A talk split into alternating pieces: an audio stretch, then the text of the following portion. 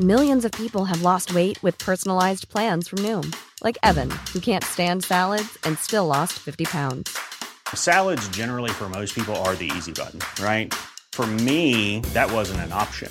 I never really was a salad guy. That's just not who I am. But Noom worked for me. Get your personalized plan today at Noom.com. Real Noom user compensated to provide their story. In four weeks, the typical Noom user can expect to lose one to two pounds per week. Individual results may vary.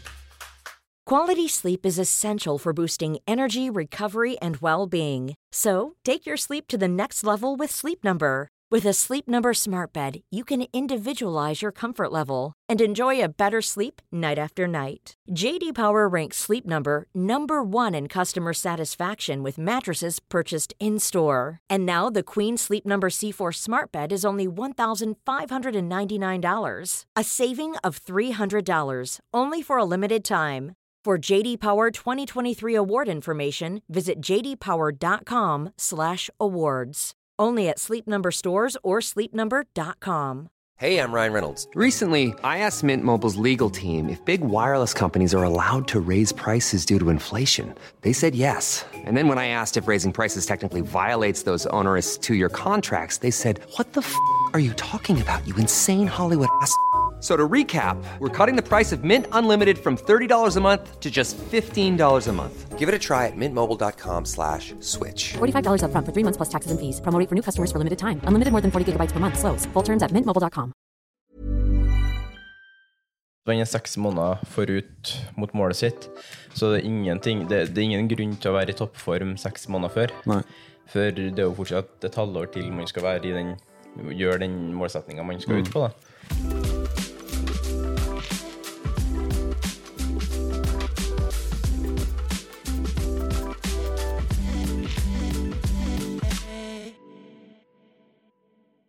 Hei og velkommen til treningsprat. Vi er i Mallorca, og i dag skal vi snakke litt om grunnen for at jeg er her i Mallorca, og litt på grunn av hvorfor du òg egentlig er her, Thomas. Ja. Det er nemlig formtopping som er på menyen i dag.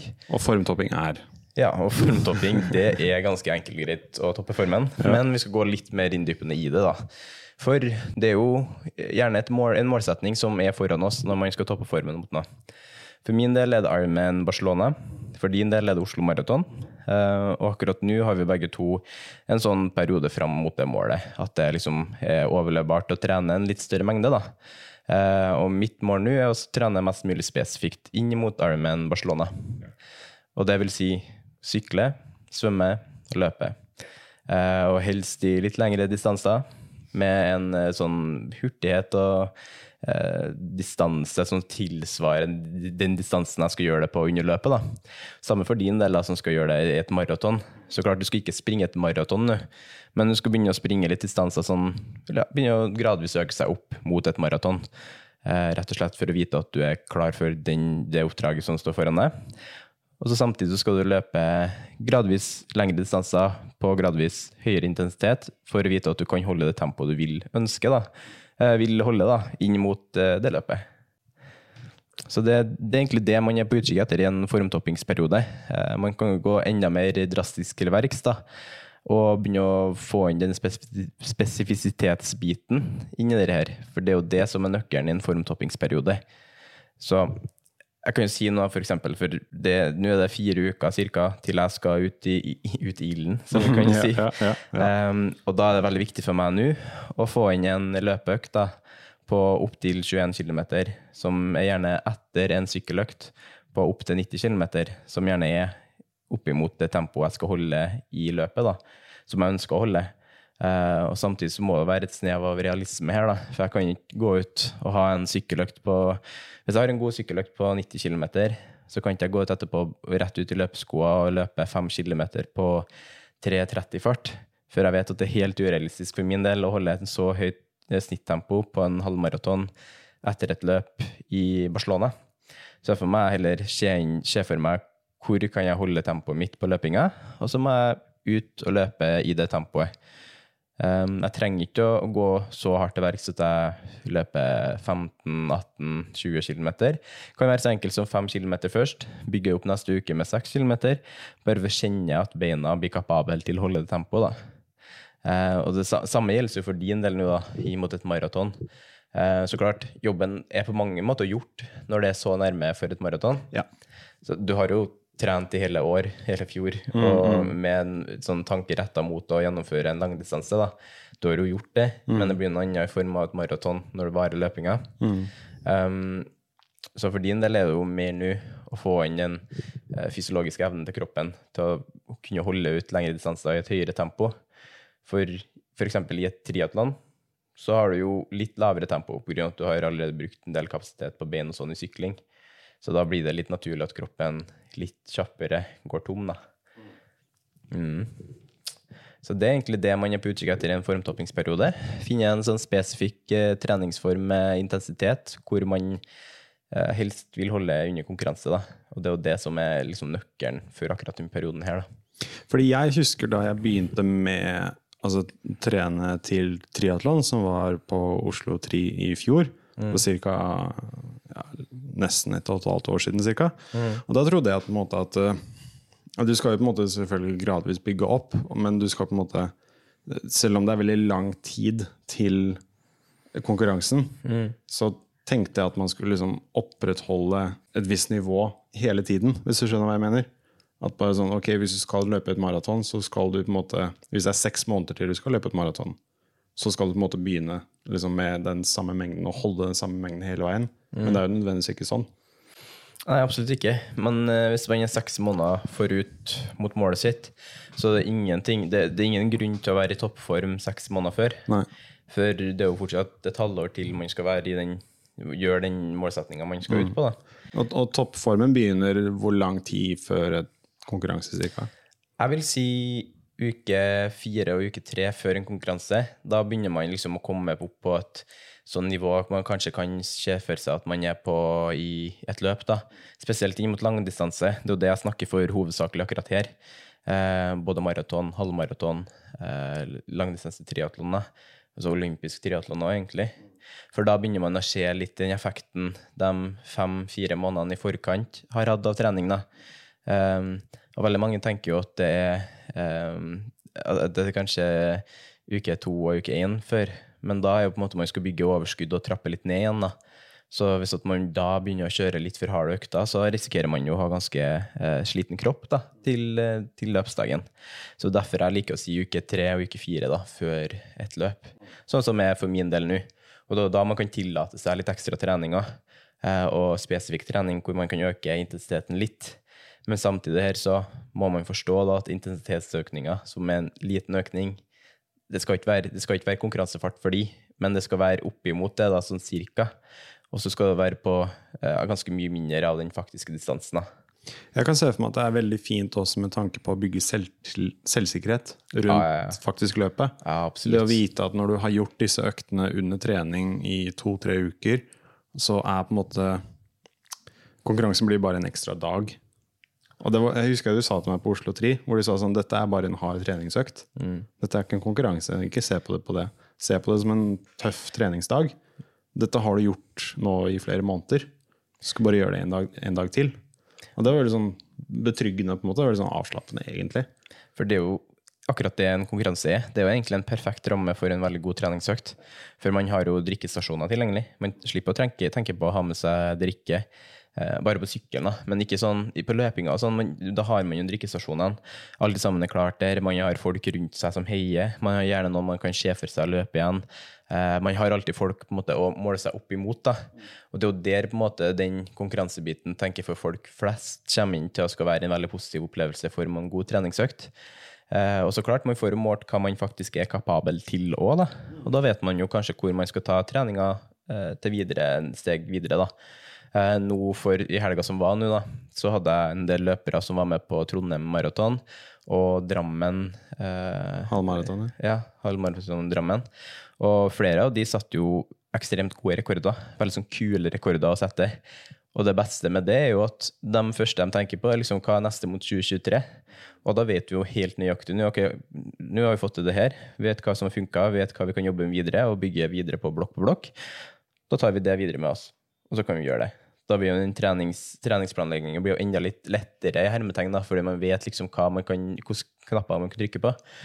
Det samme er jo for din del nå, med tanke på en veldig bra eh, Canada-prestasjon. At man vet liksom hvilke langdistansebiter du en har en positiv respons til. da.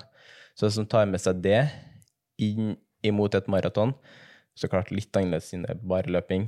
Bare i hermetegn. Ja, ja. ja, jeg må si det, ikke bare. Men eh, at uh, man vet liksom hvor man skal fokusere, og hvor man videre skal ta, eh, ta de spesifikke punktene å jobbe med. Da. Ok, si å toppe formen, da, er uh, sett på som å være en veldig positiv ting, og det er noe vi anbefaler alle å liksom gjøre før uh, en sånn. Men hva hvis du ikke har mulighet til å gjøre det? Det er jo ikke sånn Det er jo ikke noe som tilsier at man må ha uke tre og uke fire, for eksempel. Sånn, et eksempel av sånn Man må ikke ha en periode da med perfekte rammer for trening. Det, det er ingenting som sier at man må det. For har man på en måte gjort den innsatsen man burde gjøre i seks måneder i forkant, liksom, og hatt en kontinuerlig treningsplan fram mot f.eks. Oslo Maraton, og man vet at ja, man har fått inn to-tre løpeøkter i uka, og man har på en måte gradvis bygd seg opp til å håndtere den distansen, så det er ingenting som tilsier at en sånn periode i uke tre og uke fire før løpet kommer til å gjøre noe sånne store underverk. Men handler litt om den biten av bygge en sjøltillit på at men akkurat den tempoet her kan jeg holde på løpet. Men akkurat det her kan jeg gjøre på løpet. Det å skape liksom en kjennskap til Så, så for meg nå, eksempel, at jeg skaper en kjennskap til I Barcelona er ganske mye bakker oppover med sykkel. At jeg skaper en kjennskap til å ha sykkelen min, en triatlonsykkel, i motbakker. Det, det er jo helt perfekt her i Mallorca egentlig å gjøre litt det samme. da, liksom Gjenskape det som skjer på løpet. Eh, det samme å gjenskape det at man skal løpe på flate parti. Eh, man må jo liksom ikke reise til eh, sydlige strøk for å gjøre det. Man kan jo gjøre det rundt i nærområder. Eh, men samtidig så skal ikke man henge seg opp i tank tanken om at man må ha en sånn periode. Uh, det skal jo sies at jeg, jeg er veldig sånn nerd. Jeg syns nerd er et positivt ord, da. Ja, ja. På trening og min egen treningsfremgang. Så jeg, for meg er det jo ikke noe problem å liksom sette av den tida og være her. Både med tanke på min livssituasjon og sånn. Så har vi jo mange andre, andre livssituasjoner som ikke tillater det. da.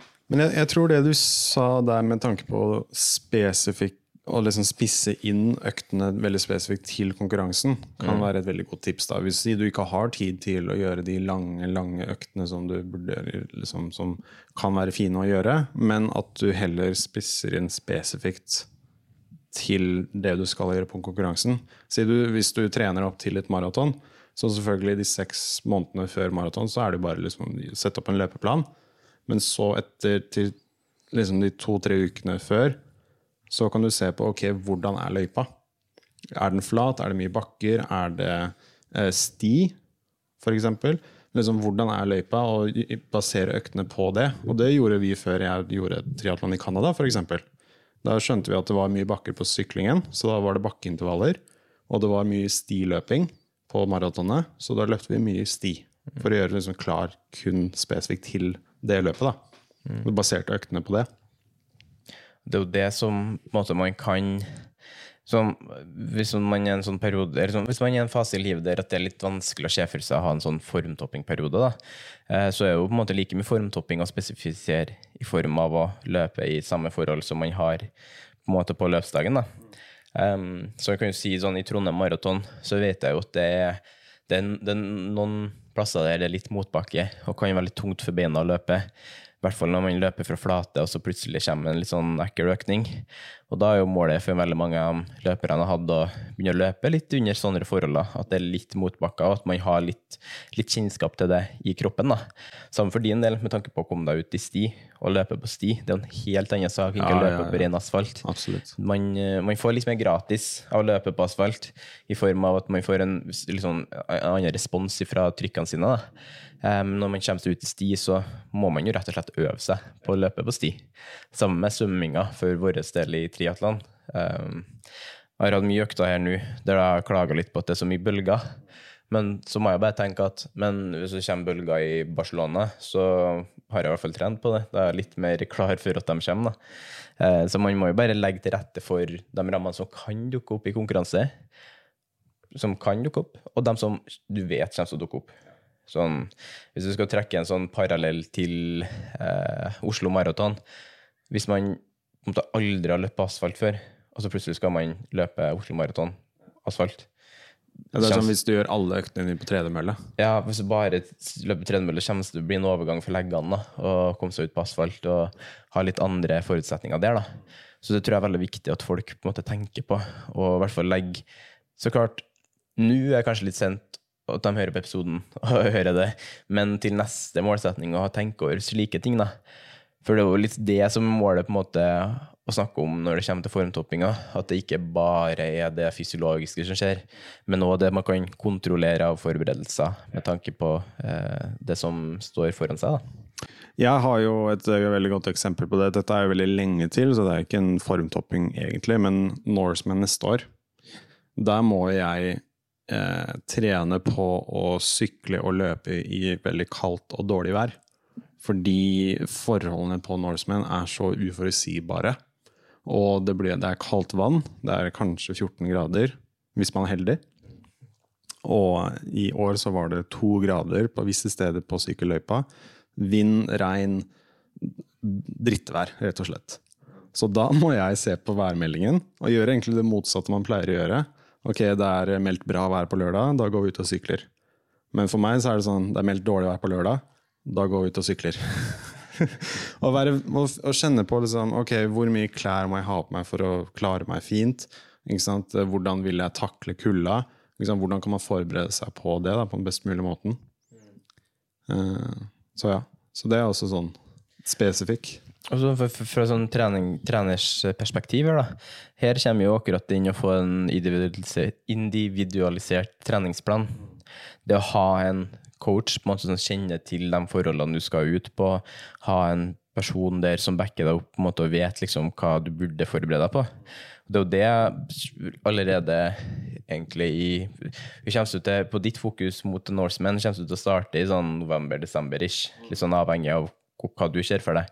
Men å komme i gang litt tidlig da, og kjenne litt på at ja, man er forberedt. Det å ha kjørteliten allerede inn mot våren 2023, inn mot august 2023, det er veldig viktig. da. For vi kan jo bygge på mange økter med god sjøltillit, at du kan å trene og prestere under de forholdene.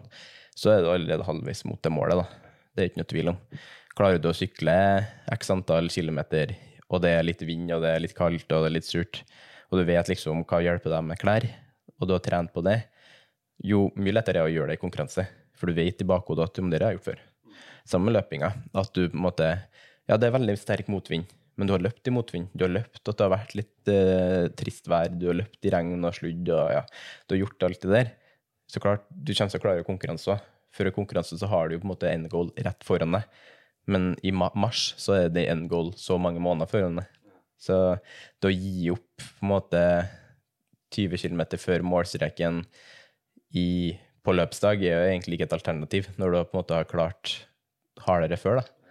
Så Det er jo det man trener litt på i en sånn, sånn periode. Ja, det å på en måte um, ikke bli skremt av distansene, det syns jeg var en veldig viktig ting for meg, i hvert fall. Det å på en måte kjenne på at disse distansene ikke er så lange som du først trodde at de var for seks måneder siden. Eh, Det er også en sånn viktig ting. Men også sånn det vi tenkte på med tanke på Det man kan gjøre et par uker før, er jo å gjøre seg kjent med løypa. Så hvis du har løypa til eh, Oslo Maraton f.eks., så løp den. Fordi den, i år så går den Det er to runder. Så det er um, to runder på 21 km hver. Og da kan du ta en av øktene rolig, rolig 21 km og gjøre deg kjent med hvor du skal. Og finne ut hvor bakkene går opp, finne ut hvor bakkene går ned, finne ut hvor det er flatt og sånne ting. da. Jeg tenker Det er jo, man har, det er jo så gratis òg, å gjøre Ja, ja. akkurat det. Og du kan jo løpe Oslo Maraton når som helst, egentlig. Sånn, Du må ikke løpe på dagen. Altså, hvis man får gjort det, så er man kan, Så klart, det, Jeg har alltid sagt til meg sjøl at jeg syns det er gøy måte å oppleve et løp og ikke ha gjort, ikke vært der før. måte, liksom være in the moment. Men hvis man på en måte vet at man måte har kanskje en, en liten tid der, da, man vil under jeg vil si som vi vil under to timer på et halvmaraton, da. Da kan jeg love deg at du kommer til å spare noen minutter på at du allerede er kjent med løypa. Du vet hvor du skal roe ned farta litt hen, du vet hvor du kan hente inn litt fart hen. Eh, Du vet på en måte hvor, hvor du kanskje presterer best. da. Og det vet man jo best av å faktisk har gjort det. og kan memorisere. Det var et veldig sånn artig eksempel som egentlig har tatt med meg fra alle, alle mine utdanningsår, eh, som har vært tidligere innenfor idrettsvitenskap. Husker jeg at eh, i hvert år så ble det nevnt hvordan Aksel Lund Svindal, da, også alpinutøvere generelt, visualiserer løypa.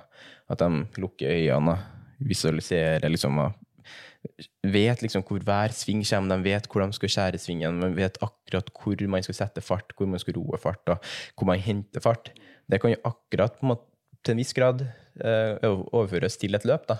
At du vet akkurat hvor du er sterkest sjøl, du vet hvor det er tryggest å gjøre de økningene, og så vet du på en måte hvor, hvor sjølsikker du er på de områdene som dukker opp. da. Og det tenker jeg, uansett om det, uansett hva det er, egentlig, uansett om det, det er jo egentlig det man gjør helt ifra når man har sin første matteprøve i tredjeklassen. Det er å Ja. øve seg på de regnestykkene. Ja. Det du gjør da, er egentlig å visualisere det som kan dukke opp i en prøve. Det gjør du jo på en måte i et løp, da. Ja. Som egentlig. Hva hvis man blir syk av rett før? Blir du syk rett før, så bruker jeg å si ingenting bedre da enn å bare hvile helt. Ja. Slappe av helt. For da har du plutselig danna et ganske høyt overskudd i forhold til at du har ganske mindre treningsmengde. Da er du ganske mye mer mottagelig for litt høyere intensitet, da. gitt at du blir frisk, da, så klart. Så det er jo det som er det viktigste der. La oss si at uh, hvis at jeg skal trekke min posisjon nå, da, i at jeg blir syk på vei, på, på vei hjem da, neste uke, at jeg flyr hjem, og så blir jeg syk på den flyturen. Kommer hjem og er forkjøla og ganske ned, nedtrykt, egentlig. Da er det beste for min del å kutte ut trening for x antall dager det trengs. Sove, hvile, eh, spise den maten jeg trenger. Og så heller tenke på det som en periode der det blir overskudd. For det, det er faktisk det. Du kommer å kroppen enda mer ned, så at du prøver å tynge gjennom treninga mens man er syk. Da Da er den, måte, den formtoppingsperioden som skjedde, den er ganske bortkasta. Da er det sånn Veldig mange tror at den treningsøkta må komme inn, men det er så mye bedre å få den hvila inn og få liksom mest mulig utbytte fra å ha friske bein. da. For det er jo det du får når du slapper av. I hvert fall hvis du tar bare spesifiserer inn mot et løp. da. Jeg, var, jeg ble jo syk både før Oslo Triatlon og før Canada. Eh, to veldig forskjellige Det første var en veldig sterk forkjølelse og feber og sånn eh, til Oslo 3. Og det skjedde jo eh, fem dager før. Så det var litt sånn eh, sketchy. Jeg var sånn ok, nå må jeg bare kansellere alt, stoppe alt. Jeg hadde egentlig en veldig travel uke fordi jeg ikke skulle trene. Så tenkte jeg at jeg kan gjøre andre ting. Så jeg hadde linet opp veldig mye ting som jeg skulle gjøre. Men jeg måtte bare kansellere alt. Ligge på sofaen og satse på at jeg ble frisk. Og sånn sier si, stoppe alt, da. Men jeg må innrømme her nå, jeg sa jo ikke det selvfølgelig da, fordi det, det var veldig mye covid-restriksjoner og sånne ting. Og jeg hadde jo ikke det, jeg visste at jeg ikke hadde det. Men jeg var ikke 100% frisk på dagen. Nei. Jeg var fortsatt litt eh, Millions of people have lost weight with personalized plans from Noom, like Evan, who can't stand salads and still lost 50 pounds. Salads, generally, for most people, are the easy button, right? For me, that wasn't an option. I never really was a salad guy. That's just not who I am. But Noom worked for me. Get your personalized plan today at Noom.com. Real Noom user compensated to provide their story. In four weeks, the typical Noom user can expect to lose one to two pounds per week. Individual results may vary. Ryan Reynolds here from Mint Mobile. With the price of just about everything going up during inflation, we thought we'd bring our prices down. So to help us, we brought in a reverse auctioneer, which is apparently a thing. Mint Mobile unlimited premium wireless. Ready to get 30, 30, bit to get 30, bit to get 20, 20, 20, bit to get 20, 20, bit to get 15, 15, 15, 15 just 15 bucks a month. So, Give it a try at mintmobile.com slash switch. $45 upfront for three months plus taxes and fees. Promo rate for new customers for limited time. Unlimited more than 40 gigabytes per month. Slows. Full terms at mintmobile.com. For det er jo i en sånn periode du snakker om nå, da, det er da man er ekstra mottagelig for sykdommer. Når man på en måte i en periode har trent Du, du trener masse, egentlig, i forhold til eh, i forhold til hvor mye man har å jobbe, og hvor lite man har å søvn og sånn. I hvert fall i den situasjonen du forklarer nå. Så da tenker jeg at det viktigste man gjør i en periode man vet at det er litt mer trening, det er faktisk å prioritere å slappe helt av. Senke skuldrene, få sove godt og få spise godt. da. Jeg vil, si, jeg vil være såpass påståelig og si hvis du får inn en natt La oss si ok, det er to uker før løpet, og du har i morgen har du en dag foran deg med 15 km hvor du skal kjøre ganske du skal kjøre ganske hardt. da. Du skal ha en ganske hard progressiv økning på den økta her. Da vil jeg si at hvis du, hvis du sover bare fire timer natten før den økta der, da kutter du ut den økta, så får du mer utbytte av å kutte ut den økta. Eller kutte den ut, kanskje sette den litt senere, da. Og så kutte ut en annen økt, så du føler at det er viktigere, da. Men jeg vil heller si at den hvilebiten der, i den perioden der, er så mye viktigere enn å få inn de øktene på en måte man tror er så hellige, da. For de treningsøktene der, de, sånn, de har shit all å si. Hvis du ender opp og er supersyk og sliten og bare demotivert inntil løpsdagen, da kommer opplevelsen til å bli, være veldig dårlig. Og det er jo opplevelsen vi jakter. Eh, vi så jo episoden med Jon Breivola i episode to, eh, hvor han snakker så fint om at alle på en måte vinnerne de kommer inn i målstreken. Eh, det gjelder like mye på et løp det, som det gjør på triatlon. At man kommer inn i mål, og man jubler. For det er en sånn personlig seier, det er en personlig vinst. Det er en ting man har jobba for i seks måneder, i et år, i kanskje to år. Det er noe man har jobba for ganske lenge. da. Og det å fullføre et løp er så mye viktigere enn hvilken tid du får. Ja, Alle får den samme medaljen, alle får den samme T-skjorten, alle får liksom den samme premien. Uansett hvilken tid du fullførte i. Mm. Ja. Det har ikke noe å si. Sånn, det, er sånn, det, det er selvfølgelig fint å slå en rekord eller sånne ting, men uh, det å fullføre er absolutt det viktigste. Og så er ikke alle plasser der tid er like mye spiller en like stor rolle. da. Rett og slett av hvordan løype er bygd opp og lignende. Uh, igjen trekker en sånn parallell til Ironman Barcelona. Veldig mye motbakker på sykkelbiten. Det gjør jo at syklinga varer litt lengre. Inn i Danmark var jo bare flatt, og man kjørte 40 km i timen og sykla liksom og så plutselig har vi 30 km i timen i gjennomsnittsfart i Barcelona pga. at det så mye motbakker. da. Og mye svinger når man skal nedover. Det er jo på en måte, og Man bremser jo kontinuerlig, og da mister man jo litt fart. Så man kan liksom ikke sammenligne tida si på alt. Det man kan gjøre, er å sammenligne tida si på en identisk løype fra tid til tid. da. Det er egentlig en eneste man kan gjøre. Men samtidig så må man jo legge til rette for at livet skjer, og at man er ikke alle er i en livssetting hvor man kan prioritere bare trening eh, og kosthold. Ingen, ikke alle er toppidrettsutøvere som får betalt for å holde på med det. Og da må man faktisk se det faktumet i hvilken livssetting man er i. da. Og vi har jo snakket om dette her med tanke på min reise til Oslo Maraton. Dette har ikke vært hovedmålet mitt i år. Det var jo Canada, ekstremtriatlon i Canada som var mitt hovedmål å kunne fullføre. Og da har jeg ikke fokusert bare på løping, da har jeg gjort svømming og sykling også. Pluss at jeg gjorde Arctic Triple for et par uker siden. I Lofoten så var jeg et halvekstrem triatlon. Så det var også en sånn en liten bonus. da. Og så Oslo Maraton var på en måte liksom bare fordi Oslo Maraton er gøy å være med på. Og det er på en måte liksom egentlig grunn, hovedgrunnen til at jeg gjør det. Det er en morsom aktivitet å være med på. Det er liksom Hele Oslo stenger, og alle står og heier. og Det er veldig kult. da. Ja, det er rått. Um, og da har jo min, mitt tidsmål endret seg, basert på liksom, hvor mye trening jeg har fått inn, og hvor, hva jeg klarer å gjøre. Så først så var jo intensjonen min var å løpe på tre timer. Og det er jo, vet jeg ikke kommer til å skje nå. Ja. Men det går greit, så da endra jeg til 3,5. og. Og nå tenker jeg sånn at jeg havner kanskje mellom 3,5 og 4. Mm.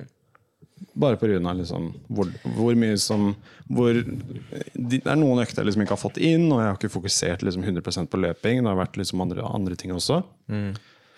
Men det er som sagt liksom, jeg syns det bare er morsomt å være med og kunne delta. Og tenker ikke så mye på tiden, egentlig. Uansett hvilken tid jeg får, så blir den raskere enn den jeg gjorde i Canada. Ja, det er helt sant. Altså, men, men det du sier her òg, er jo litt viktig med tanke på at man på en måte har ting som skjer, da. Det er nettopp det jeg mener. At det liksom er Så klart man ser for seg et år før man holder på seg at det her skal man få til på den tida her. Men samtidig så har man kanskje hatt andre delmål på veien dit, da. Eh, For din del har det jo vært delmål som har tilsvart at man må legge inn x antall timer på to andre ting òg. Og så ikke minst har man jo en jobb hver dag og lever opp til og alt andre rundt det. da. Så det er på en måte det å kunne være litt sånn dynamisk tilpassende imot målsetningene sine òg, er veldig viktig, da, tenker jeg. Sånn, det får man jo spesielt på en, måte, en bekreftelse på i en sånn formtoppingperiode, da, når du skal på en måte toppe inn mot et løp. Hvis du løper 10 km på en fart, og du kjenner at har ikke kunnet holdt noe mer innka dere her i en lengre distanse, så må man jo på en måte da realisere hvor man egentlig er, da. Um, og så klart, det er jo litt avhengig av det som skjer seks måneder før, og det du gjør fram mot da. Men det er jo på en måte den formtoppingsperioden som er med på liksom å Ja, her er vi. det er jeg skal jobbe mot. Kanskje du skal prøve å ta, barbere noen sekunder til da, på det på konkurransedagen. For det er ganske mye å si, de folkene som står rundt og heier. Det, Ja, absolutt. Du, du, du, du får et ekstra gir når folk heier på deg. ja, ja. Det, Konkurransegiret. Ja, det helt, Kicker inn. ja, ja. Det er helt utrolig. Og så kan man jo, sånn, kan jo snakke om at det er veldig viktig å ikke la seg bli overstyrt av det òg, da. Det kjenner jeg veldig mye på i mange perioder, at jeg kan bli veldig fort. I Ironman i Mallorca, som vi gjorde i mai, da tenkte jeg veldig mye på det i starten av løpinga.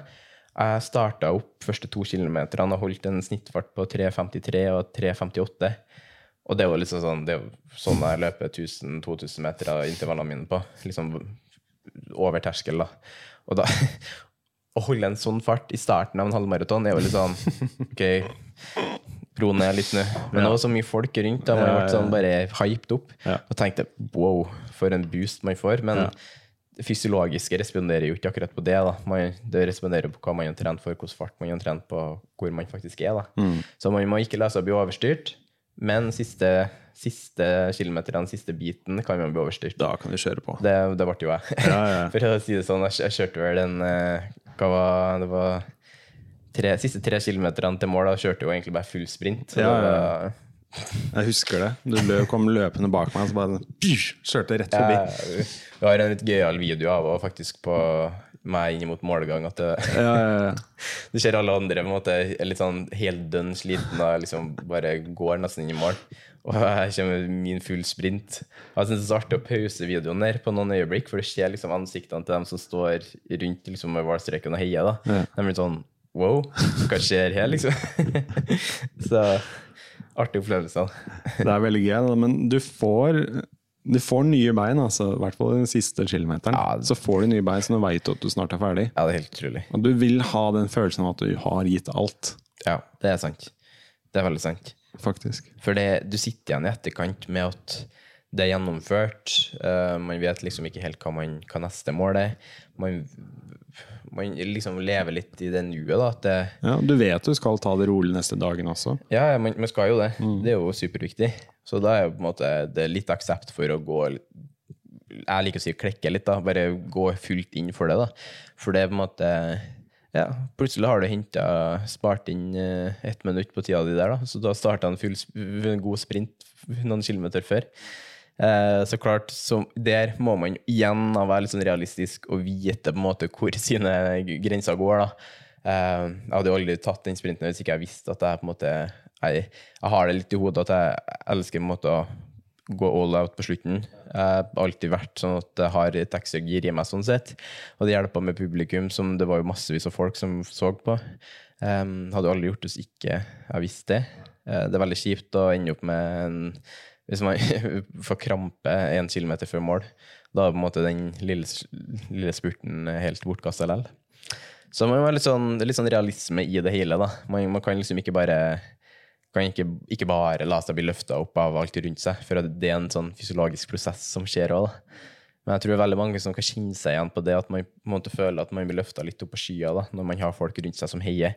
Og ikke minst når man kommer inn i mål og man vet at det er familie som rundt, man vet at det er venner som rundt, man vet at det er folk rundt som oppriktig heier på deg, som vet hva du har gått gjennom. da. Og det jeg synes noen forklarte veldig bra på en ukesrapport eh, her, her om dagen. Hun skrev at det på en måte eh, Det ble litt sånn et, Det virka som han ble litt nedsatt av tida si i en ganske tung løype. Man må ikke glemme det. Eh, men det hadde liksom ikke så mye å si, på grunn av at de kom inn i mål, og det var så mange folk der som heia på den personen. da. De oppriktig heia der og sto med blomster, og liksom det var en så stor feiring. Og man blir så sett og ivaretatt av at man er en av eh, jeg tror 6000 sånn som var påmeldt Trondheim Maraton. Og da tenker jeg når du er en av dem, og du blir så sett og ivaretatt, da er det ganske unikt. Så det var egentlig dagens prat om formtopping. Litt på så mange forskjellige ulike måter. Eh, litt, litt hvordan min måte, tilnærming til formtopping er, både med eh, utøvere og meg sjøl.